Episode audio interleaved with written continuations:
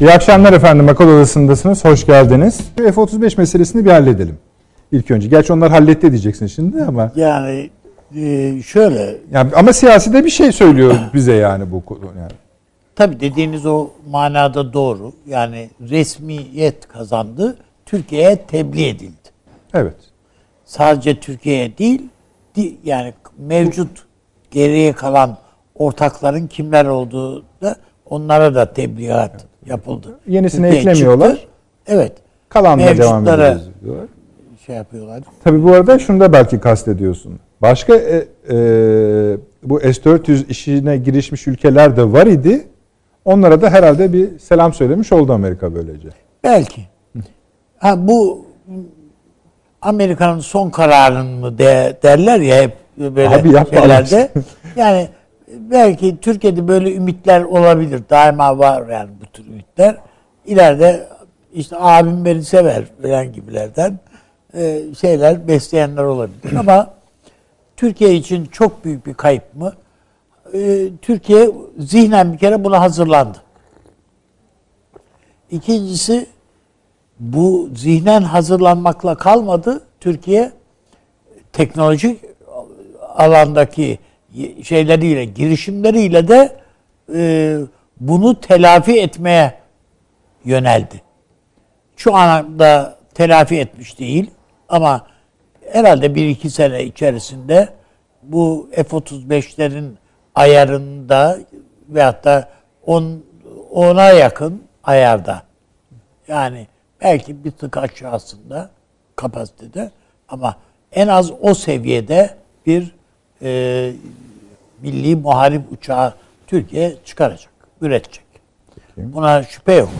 E, F-35'ler meselesini t- tamamen Türk-Amerikan ilişkileri diye bakmak lazım. Onun bir cüz'ü, ufak bir şeyi. Yoksa yani te- sadece F-35'ler diye değil, hı hı. işte S-400'ler diye de, Halk Bankası davası diye de, FETÖ meselesi diye de, işte PKK, YPG diye de. PKK, YPG diye de hı hı. falan ve keza işte Ermeni soykırım iddiaları diye de bakmak lazım. Onun için bu bir paket meselesi. Aynı. Ee, o bak, bu paket o açıdan, biraz fazla şişti gibi geliyor bana. E tabi. Ama bu yeni bir şişme değil. Hı. Eskiden beri şiş, şişti de biz bazen e, yani birçok zaman için yani bu I love you Amerika diye baktığımız için e, o şişliği görmüyorduk. Yani bir ödem var ama işte şekeri fazla kaçırdık. İşte bilmem ne, meğerse tu, ödem tuzu, değilmiş o. Tuzu fazla kaçırdık diye kendimizi şey yapıyorduk. Hayır değil kardeşim.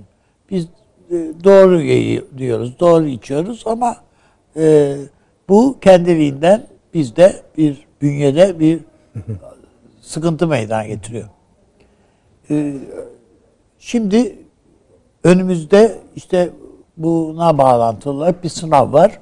O da bu Ermeni. Oraya geçme abi. Şey yapan geçme. tasar. Önümüzde bu bir sınav. Hı hı.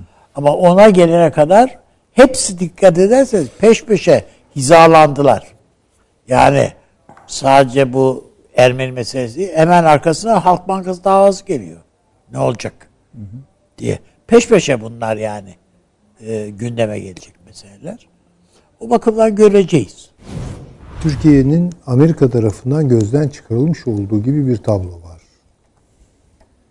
Çünkü şu olsa yani fotoğrafın bütününe bakarsınız. Mesela diyelim ki belli konularda sorunlar halledilemiyordur ama başka alanlarda işte belli yumuşamalar görülüyordur.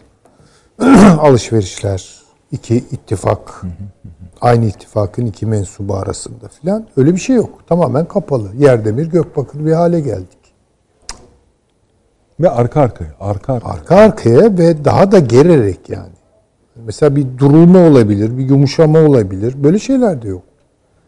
Yani ta çekiç güç meselesinden başlayarak belki bazıları ta Johnson mektubuna kadar da bunu götürebilir. Bilemem. Ama yani en azından şimdi yaşayan kuşakların çok rahat e, bağları kurabileceği belli bir zaman aralığında Amerika-Türkiye ilişkileri kötüleşiyor. Yine kibar hani, davranıyorsunuz. Ama evet. Kötüleşiyor yani, yani. İşte mesela bu soykırım meselesi sözde soy yani evet bu, konuşacağız. Ve onu. bize şunu da itekliyor. Mesela bugün iklim konuşması yaparken Sayın Cumhurbaşkanı Amerika Birleşik Devletleri Başkanı'nın adını da zikrederek teşekkür etti bu ön şeyinden dolayı. Ee, tamam o ama sonunda bir cevap vermeniz gerekecek. Yani mesela bu soykırım meselesinde bir şey söylemeniz gerek. Olursa. İnşallah olmaz ayrı Ay konu. Şimdi Neyse, e, yani pakete de toptan mı bilmiyorum artık. O ancak bence yaptırımların düzeyi e, veya ne bileyim e, Türkiye'yi sıkıştırma kapasitesiyle filan alakalı. Ben şundan yana değilim.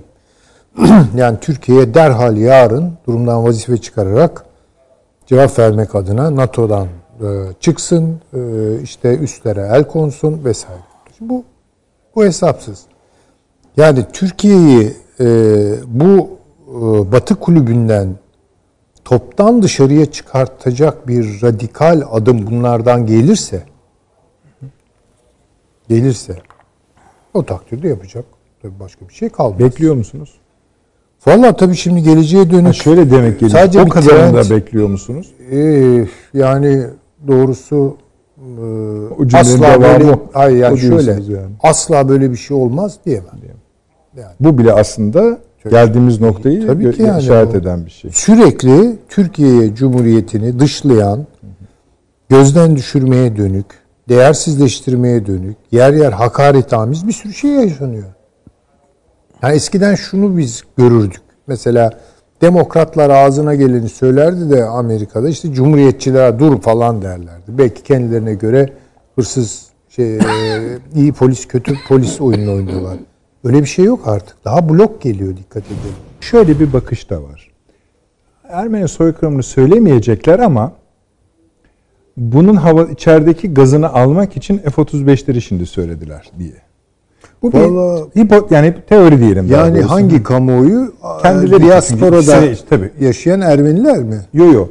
Bunları açıkça seçmen kitlesine söylediği için ABD Başkanı. Ermeni yani seçmen kitlesinin hı hı. E, Ermeni olmayan o büyük kütle. Bununla çok ilgileneceğim ben zannetmiyorum. Peki. Ama Peki. Ermeniler bunu bekliyorlar tabii. Bir zamanlaması vardı. Yani mesela bunu 25 Nisan'da da yapabilirdi. Onun için ben hani bir öyle de bir akıl yürütebilir miyiz diye düşündüm. Amerika adına iyi niyetle. Evet çok biraz evet iyi Peki, niyetle tamam. bir ama, ama e, o etiketi olabilir. taşımaktansa yani derhal konuyu. Şunu e, altını bir kere daha çizerek Buyurun. sözümü bitireyim. Yani Türkiye'yi gözden çıkarttılar. Bunu artık veri alacağız yani. Tamam da işte siz ne diyorsunuz? Yani siz ne, de ne hani şahsınızı söylemiyorum. Türkiye ne diyor? Türkiye mesela Gün. e, Dışişleri Bakanı'na benzer bir soru soruldu. Sayın Çavuşoğlu dedi ki bakın dedi iki büyük güç arasında dedi bir politika yürütmek dedi önemli bir şeydir dedi. Evet. Bunun formülü kendisi yani mealen söylüyorum. Şu şekilde kurduk. Şeffafız. Yani kimsenin arkasından bir başkasıyla onu öyle anlıyorum ben. Tezgah kurmuyoruz, bilmem nerede bir şey yapmıyoruz ve ilkeli ilk, iki tarafa da ilkeli davranıyoruz. Tamam. Şimdi bu oldukça korunaklı bir alandır. Gel gelelim Amerika buna uygun adam değil. Zaten bu lafın adresi Amerika değil. Tabii. Bu bölge ülkeleri, bölge Rusya'dır. Ülkeleri. Tamam. başta bunun. Anladım. Tabii. Tabii. Çünkü Amerika yaptırımlar konusunda da başlayın Süleyman Hocam şöyle diyor. Şimdi biz diyor A ülkesine, bize de uyguluyorlar biliyorsun. Yaptırım uyguluyoruz. Karşılık veriyorlar, çok şaşırıyoruz diyor. Öyle bir şey yok ki diyor. Yani bunu inanarak kalben söylüyor. Tabii tabii tabii. tabii. Yani nasıl yani diyor. Hani mesela Bana Ruslar şimdi hayır dersin. Ha yani hani adamın hani mesela çatır çatır şimdi mesela Ruslar bugün de 10 tane diplomatı kapının önüne koydular. Tabii, tabii. Falan hani buna mesela şaşırıyor. Yani Şaşırır şey değil. çünkü yani irtifa arttıkça oksijen miktarı düşüyor herhalde ki yani o bazı şeyler orada evet, işte F-35'ler yüksek uçtuğu için böyle yani bir durum oluyor. Orada yani. bir akıl tutulması denilen bir şey var. Yani evet. iktidar olmanın getirdiği risklerden bir an deniyor. İktidar sarhoşluğu, dünyanın süper gücü olma, bu dünya üzerinde iktidar kurma, onun getirdiği bir e, sarhoşluk olacak. Peki. Bu şey değil ama ya Amerikan siyasetine biz ilkeli davranıyoruz dediğiniz zaman hiçbir anlamı yok, karşılığı da yok. Ama bu buralarda geçerlidir. Almanya bunu dikkate alır. Bakın. Ee, Rusya çok dikkate alır. Muhtemelen yarın Çin benzer olarak dikkate alır. bu tür bir te, ya temas süreçlerini ben çok iyi hatırlıyorum. Telefon konuşması yapılıyor mesela A ülkesiyle. Rusya'yı da çok ilgilendiren bir A ülkesi diyelim. Ondan sonra karşılıklı Rusya ile temaslar kuruluyor. iki saat sonra, bir gün sonra tabii, falan. Tabii, tabii. Böyledir diye. Peki. Ee, Taşansı hocamıza geçelim. Hocam hala şuradayız. Bu F-35'lerde e, kanatların koparılmasının ardından yani bir kol kuruyoruz. O kollardan birisi taze olarak F-35'lerdeki resmi kopma, ikinci kolda 24 e, Nisan. Bu iki koldan şunu araştırıyoruz. Türk-Amerikan ilişkilerinde Amerika'nın muradı nedir? Biz mi tam hala anlamamakta ısrar ediyoruz? Ee, ve siz kesin bir sonuç ya da hedef görüyor musunuz? Buyurunuz. Ee, yani bu Bize biraz ses verin arkadaşlar içeri. Şimdi e, şöyle söyleyeyim yani e, teknik olarak hani bunu konuşacak birisi değilim ben. E, sonuçta memleketin işte bunu kullanacak olan Hava Kuvvetleri Komutanlığı var. E, hava savunma sistemleri e, ve hava savunmasını işte dizayn edecek ne bileyim genel plan prensipler dairesi var. Herkes konuştu onları Taşan Hocam merak etmeyin. Daireleri var. Bu seyircilerin seyircilerin yani uzmanlaştı bile. Ee, doğrudur işte bu e, yani e, teknik elemanlara güvenmekte fayda var böyle şeylerde. Uzmanlık zor bir şey çünkü gerçekten. Evet. Şimdi orada e, tabii beni ilgilendiren kısmı şu. E, bu yani çok fazla hata olduğu söyleniyor F-35'lerde. İşte 970 tane mi 940 tane mi ne hata unsuru bulunduğu söyleniyor. Bu ne anlama gelir? Emin olun hiçbir fikrim yok. Yani bu hata nedir? İşte e, çok mu rüzgar yapıyormuş, ıslık sesi mi oluşuyormuş? Ne bileyim ben yani e, dolayısıyla böyle çok e, vazgeçilemez hatalar mı? Bir benim aklımdaki soru budur. İkincisi 80'li yıllarda Türkiye F-16 alırken de çok fazla hatanın F-16'da olduğuna dair çok fazla tartışmanın olduğunu da hatırlıyorum ben. Yani dolayısıyla bunları ben ölçemem gerçekten. Hatalı mıdır, değil midir? şu mudur, bu mudur? Ama çok pahalı olduğu açık bu uçakların. Bakımının masraflı olduğu hata açık. Da o işte. Başka bir husus bu uçakların bir network sistemine bağlı olduğu için e, ulus devlet sistematiği içerisinde yani ulus devlet savunma stratejileri içerisinde kullanılmak yerine daha geniş ulus üstü NATO çerçevesinde bir programlamaya açık olduğu ve hatta buna mahkum olduğu e, yönünde bazı bilgiler var. Ben bunları değerli buluyorum. E, dolayısıyla hani e, acaba kurtulduk mu sorusunun cevabını e, ararken bu unsurlar önemlidir bence. Acaba Türkiye kurtuldu mu? E, bu sanki kurtulmuş gibi geliyor bu açılardan bakıldığında. Fakat şöyle de bir şey var. Şimdi çok kötü olabilir, çok pahalı olabilir, arızaları olabilir. Ben şuna bakarım. Biz F-35'lere sahip olmadığımız müddetçe bir zaaf yaşayacak mıyız? Beni ilgilendiren temel husus bu. Yani e, mesela Ege'de Yunanistan ve Türkiye arasındaki e, dengede bir kayıp yaşa yaşayama ihtimali var mıdır Türkiye'nin? E, bu sorunun cevabına da baktığımda e, buradaki denklemin e, zannediyorum birkaç yıl evvel S-400'ler ve F-35'ler arasında kurulduğunu ve Türkiye'nin kurmay aklının, siyasi aklının bir tercihte bulunduğunu söylemek yanlış olmayacaktır. Yani şöyle bir tercih anladığım kadarıyla F-35'ler olmasa da S-400'ler Türkiye'nin hava güvenliğini e, sağlar. E, dolayısıyla bu risk alınır diye bir hesap yapılmış olsa gerektir. E, eğer yapılmadıysa böyle bir hesap, bu böyle değilse o zaman yanlış bir karardır. Bu açık. Ama hani benim bildiğim Türkiye böyle konularda, bu kadar kritik konularda hata yapmayacağını dair bir ön kabulüm olduğu için benim çıkarımsal olarak vardığım nokta F-35'lerin yokluğunun S-400'lerin varlığı ile ikame edildiği e, bir döneme giriyor Türkiye aslında hava savunmasında. Anladığım bu. Ne kadar doğrudur, ne kadar yanlıştır dediğim gibi işin uzmanları bilir. Ee, tabii burada bir yan e, başlık olarak şunu zikretmekte fayda var. F-35'lere güvenerek Türkiye'nin yaptığı bir yatırım vardı biliyorsunuz. Ee, TCG Anadolu gemisi. Ee, yani bir amfibi çıkartma gemisi ama e, bir uçak gemisi işlevinde görebilen bir gemiydi. Bu dikine kalkan uçak ihtiyacı e, hasıl oldu bu gemi çerçevesinde. Şimdi o konuda ne yapılır, e, nasıl ikame edilir F-35 zannediyorum Türkiye bunun çalışmalarını yapıyordur diye düşünüyorum. Amerika'nın aldığı bu karara bu çerçevede baktığımızda şimdi etrafımızdaki ülkelere veriyor bu uçağı. Bize vermiyor. Ee, ve e, Türkiye bunun ortağıydı. Yani şey değil, Türkiye bunun e, alıcısı değil. Türkiye bir pazar değil de F-35'te. Türkiye ortak olarak bu sürece girdi. Yani sadece verilen para işte 1.3 milyar dolar vesaire ondan bahsetmiyorum. Türkiye pek çok yatırım yaptı bunun dışında da. Ve hatta başka bir şey yaptı değil mi? Buna güvenerek e, belli politikalar oluşturdu. Şimdi bunun bir ciddi bir maliyeti var. Yani Amerika açık seçik şunu söylüyor. Ben bu faturayı size kestim.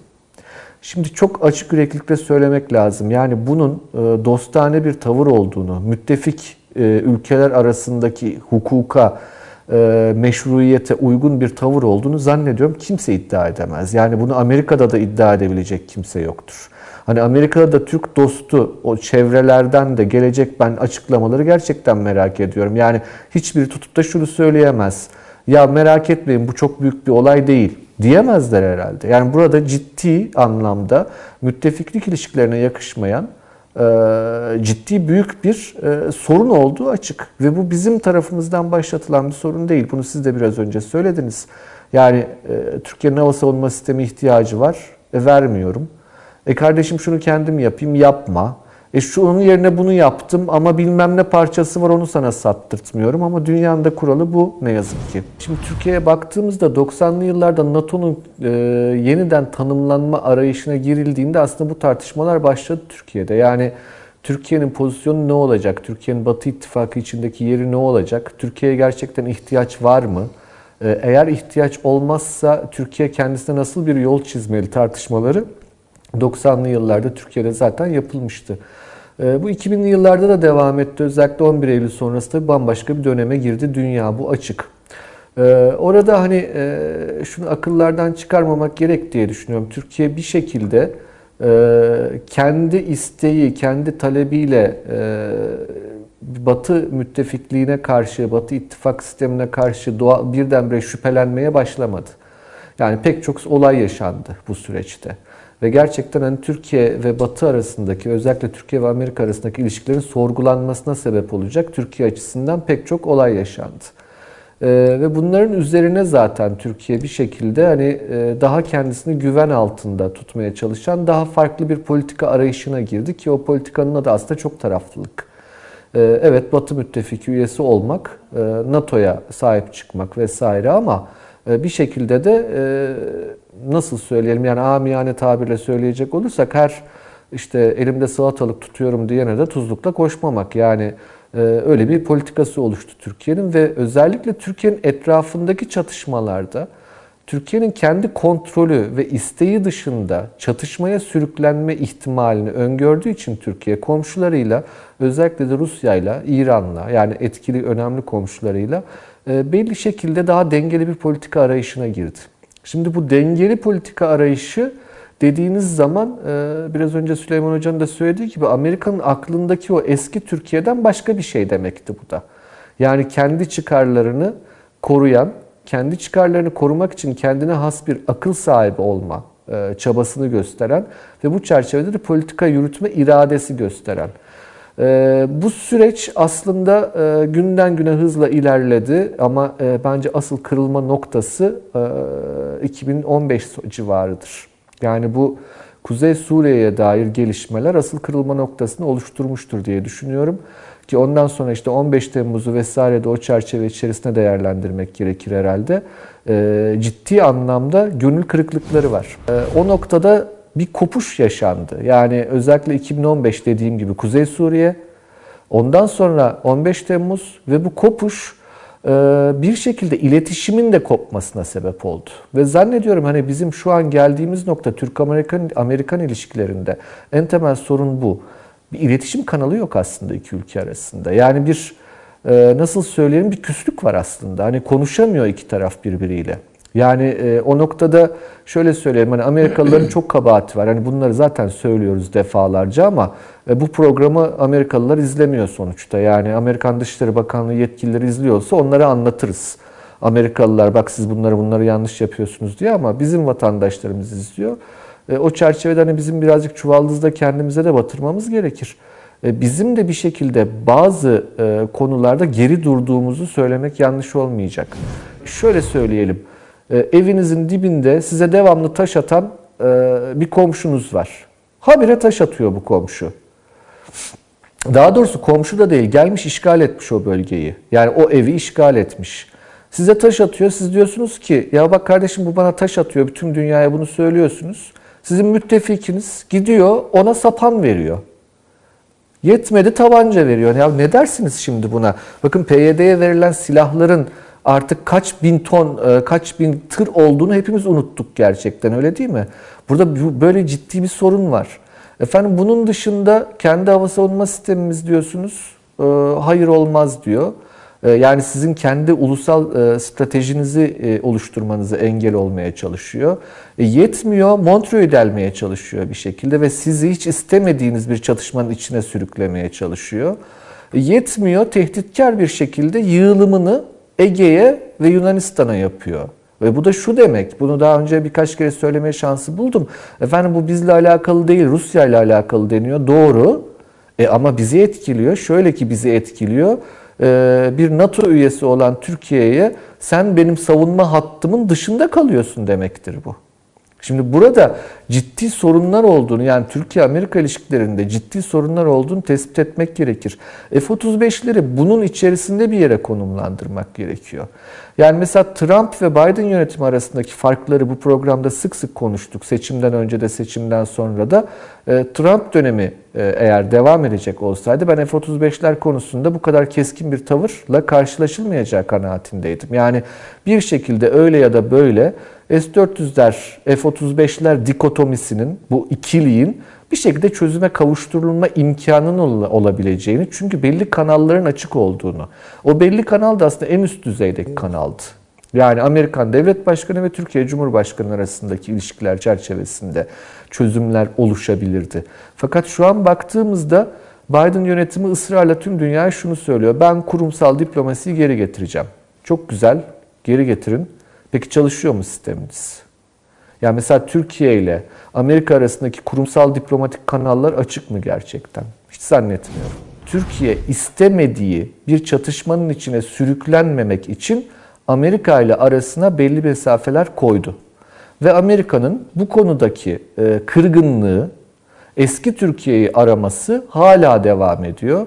Trump'ın daha gerçekçi politikaları Türkiye'yi yeni bir pozisyonda Amerikalılar tarafından algılanma konusunda e, Türkiye'ye imkan sağlıyordu. Ancak Biden ekibinin e, tırnak içinde söyleyeyim aşırı idealist yaklaşımlarıyla e, Türkiye'yi ya da Doğu Avrupa'yı ya da Orta Doğu'yu analiz etmelerinin çok zor olduğu kanaatindeyim. O yüzden hani bu işlerin ben biraz daha Türk-Amerikan ilişkilerindeki sorunların katmerlenerek büyüyeceği kanaatindeyim. Hani bir sonraki konu başlığına geçmek istemiyorum ama asıl mevzu bence o. Ee, hani F-35 onun yanında e, devede kulak kalır diyeyim e, ama yine de önemli bir mevzudur. E, yani küçümsenecek bir mevzu olduğu kanaatinde değilim F-35 olayının da. E, onu da şöyle söyleyeyim, Türk-Amerikan ilişkileri açısından değil, o beni ilgilendirmiyor artık çünkü geneli zaten çok kötüye doğru gidiyor ama Türkiye'nin hava savunma ihtiyaçları çerçevesinde F-35'lerin eksikliğinin neyle telafi edileceği, nasıl telafi edileceği konusu önemli bir başlık olarak e, Türkiye'nin gündeminde bulunmaktadır diye düşünüyorum. Çin, Gerekirse... Rusya ve İran'la işbirliğine gitmelidir dedi. Bugün Türkiye'nin izlemek istediği e, politika. Veya izlemek yani istediği diyelim. politika demeyeyim ama yani üzerine düşündüğü, kafa yorduğu e, şeyler, işaret noktaları. Dolayısıyla yani biz e, bu, bu evet işte hocam, hocam da söyledi biz bu çekiç güçtü bilmem neydi. Yani yemediğimiz kazık kalmadı. Ve bunların hepsini de göz göre göre yaptık. Yani Yaşar Büyükhanıt kendisi söyledi. Haya, en büyük hatamız çekiç gücü kabul etmektir dedi. Ve bunu üstünde üniforma varken söyledi. kendi ordu genelkurmay başkanımız yani ordu kumandanımızı öldürdüler. Değil mi? Jandarma Öyle. Genel Komutanımızı. Genelkurmay Başkanımızı Kıbrıs'ta eğer su içmek için masanın üstüne eğilmese evet, ölüyordu Kıbrıs kolu başa. Kurşun ne? Kurşun onu Sayın. sekti yanındakine değdi. Arkasındaki albaya değdi. Şimdi bütün bunları yok efendim muhribimizi batırdılar pardon dediler filan yani böyle. Ölen askerlerimiz var. Yani bunlar hepsi yaşadığımız, gördüğümüz, bildiğimiz daha bilmediğimiz neler var. Tabii canım tonladır. Sineye çekilen neler var. Peki. Son o zaman şimdi, O yüzden biz şimdi hani diyoruz ya zur, yani bu F-35 cehennemin dibi yani hiçbir tabii, şey tabii, değil. Tabii, tabii. Yani dıdısın dıdısı. Ee, bu hiçbir şey değil. Biz aslında zurnanın zırt dediği yere geldik yani. Söyleyin. Laf edeceğiz. Hı. Ha bu bunu bunu dedirttirecek bu Amerika Türkiye'ye. Ben yapmadım sen yaptın dedirtmek. Ha bunu der mi? İşte bu 24 Nisan onun için önemli. Cumartesi günü. O bir kere Burada, o denilecek ya da denmeyecek şeyi tam bir söyleyin. Da, yani hı hı. bu soykırımdır. Türkler e, Ermenileri e, katletmiştir ve bu kat, kat şey hı hı. E, bir efendim e, daha önceki başkanların söylediği gibi işte e, ağır şey e, efendim büyük felaket büyük felaket değildir. Bu bir soykırımdır. Peki. Diyecek. Eğer der ise Hı. der ise ip kopar kardeşim. Ha. Ya bunu bu öyle ki bunu Tayyip Erdoğan da tutturamaz çok öyle kolay. Ee, bu Türkiye'nin hemen yani bana, bana göre tabii bilmiyorum. Yani muhtemelen bunun hepsinin kar zarar hesapları devlet katında yapılmıştır. Ama yani geçmişte Türkiye bütün Amerikalıları yani Türkiye'deki Amerikan personelini hudut dışı etti. İncirliği de kapattı. Bütün Amerikan üslerini kapattı. Değil mi? Yani 76'da kapattık. Bütün Amerikan personelini de hudut dışı ettik. En kötü zamanımızda yani. Güçsüz zamanımızda yaptık bunları.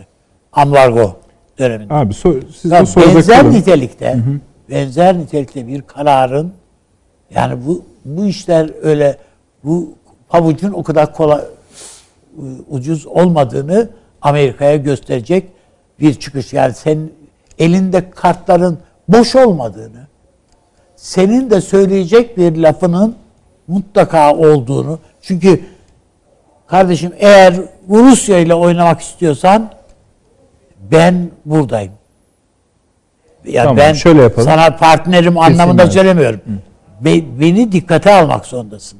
Kafkaslarda oynamak istiyorsan beni göz görmeden oynayamazsın. Tamam. Soykırım meselesi e, bu ancak çok yüksek bir teknoloji ve çok yüksek bir organizasyonel akıl üzerinden yürütülebilecek Hatta hatta yürütülürken bile tam becerilemeyecek olan bir şeydir.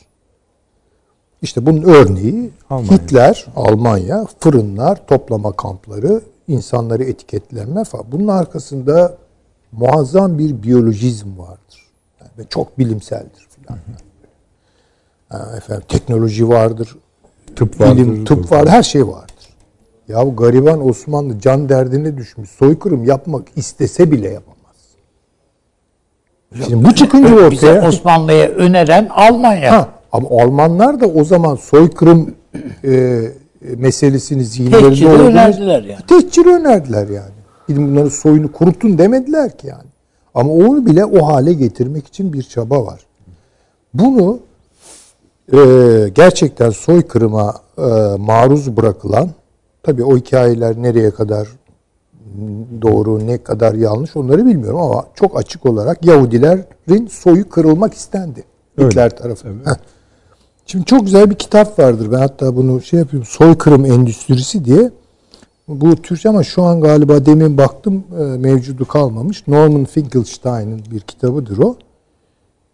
Ee, Siyonizm ideolojisi bunu bir fırsata dönüştürdü.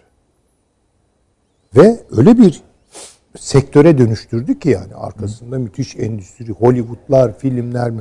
Her sene en az 10 tane film çıkıyor. E yeter ya başka bir şey yok mu yani? Anladık tamam. Ama bunu düzenli olarak sürdürüyorlar. Almanya ne zaman kafasını bazı şeylere kaldırmaya kalksa onu kullandılar. Ku- kullandılar. Schindler'in listesi odur yani. Schindler'in listesi çok da güzel bir filmdir yani. Tamam. O elinden öpülecek e, müthiş güzel bir filmdir. Yanlış şeyde değil. E, onlar çok ama kalitelilerini de yapıyorlar. Belki Yani. oraya koyarsanız öyle olur. Şimdi bunu Hocam süre. bunu hemen e, şöyle bağlayacağım. Bunu Türklere yansıtabilir misiniz? Yani ikinci bir soykırım. Hatta Yahudi soykırımından önce bir Ermeni soykırımı. Bugüne kadar İsrail bunu istemedi. Yani orada tek başına kalmak yani ne diyelim e, yekta olmak, biricik kalmak için e, bu girişimlere hep karşı çıktı. Benim düşüncem şu an yani yarın e, soykırım der mi demez mi bilmiyorum. Öbür gün. Eğer e, Yahudi e, daha doğrusu Siyonist kafalı Yahudi çevreler bastırmazsa öncesinde diyebilir. Ama Yahudi e, Siyonist çevreler aman söylemeyeceksin sakın ha derlerse söylemez gene felaketler. Onların ağırlığını da ölçebiliriz yani yarınki Peki. şey için. E, Önemli bir konudur. İsrail'in buradaki e, yani tekil durumu. Evet. Türk-Amerikan ilişkilerinin içine gireceği çıkmaz e, F-35'ler konusu efendim çözülür. Öyle ya da böyle çözülür. Olmasa da yani olmasın. S-400'ler öyle ya da böyle çözülür. Halkbank öyle ya da böyle çözülür. Efendim kağıtsa yaptırımları öyle ya da böyle çözülür.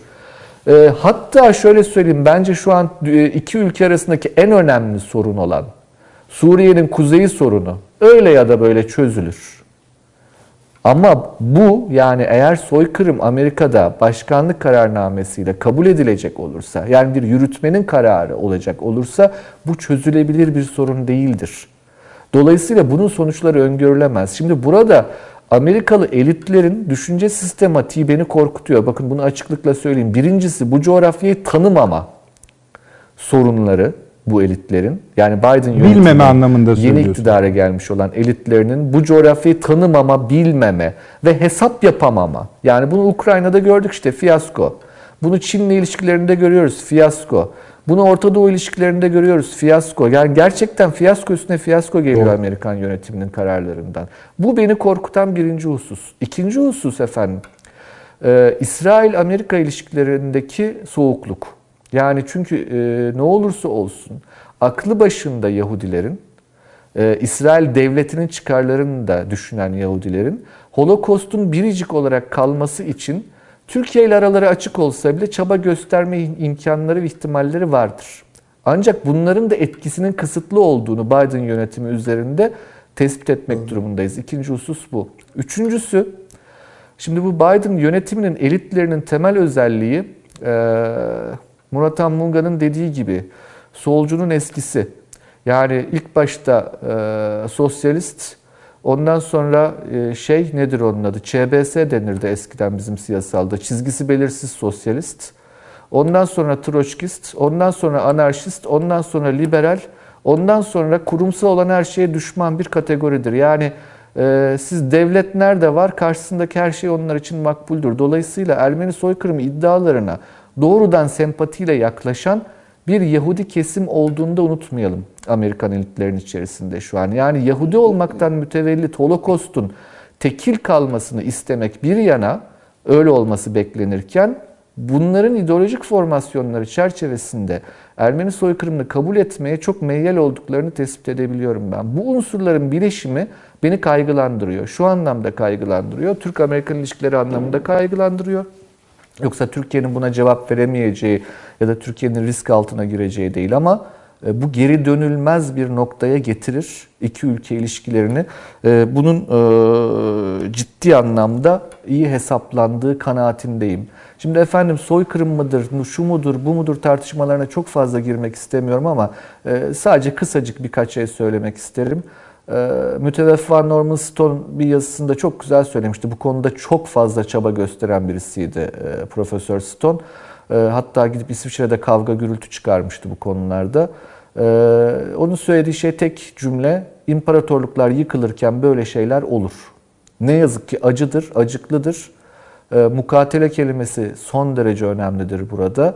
E, gerçekten e, acıklı bir süreçtir.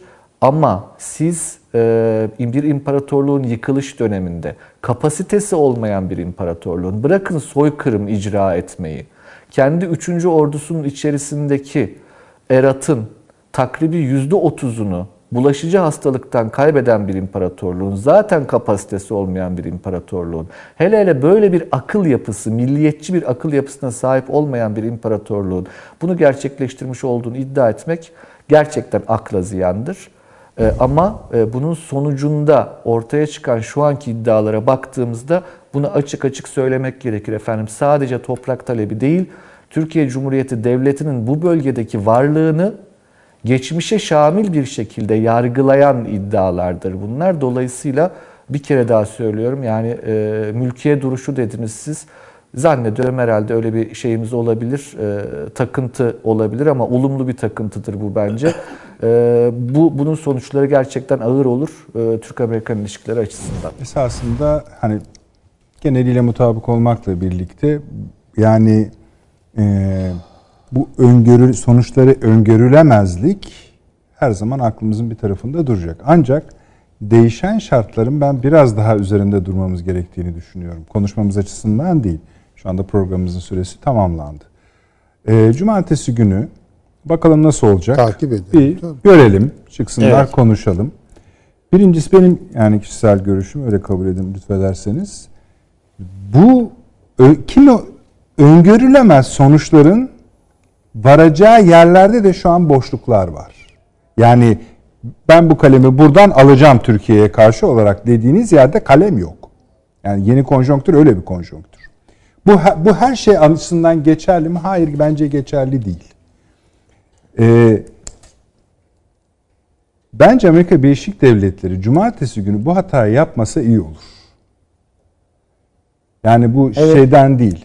Tamam yani doğru işin, bence de öyle. Ha, tabii onda bir şey yok. Onun için yani söyleme sebebim şu. Ee, mesela artık soykırım meselesi dışında bir yere taşınıyor bence. Tabii Amerika'nın yani, zaafları aynen öyle. var. Yani. Bu yüzden biz de konumuzu belirlerken elbette işte söylüyorum e, hükümette çıktı dedi ki bunun bir iftira olduğunu tekrar tekrar anlatacağız. Da adamın yaptığı o mu? Yani iftira meselesi değil bu.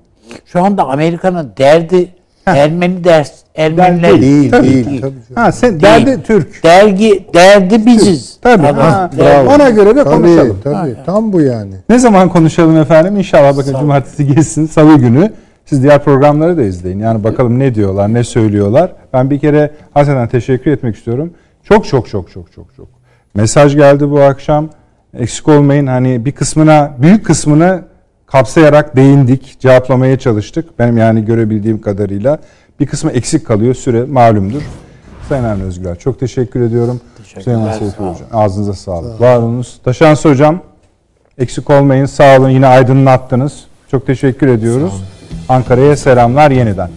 Efendim iyi geceler.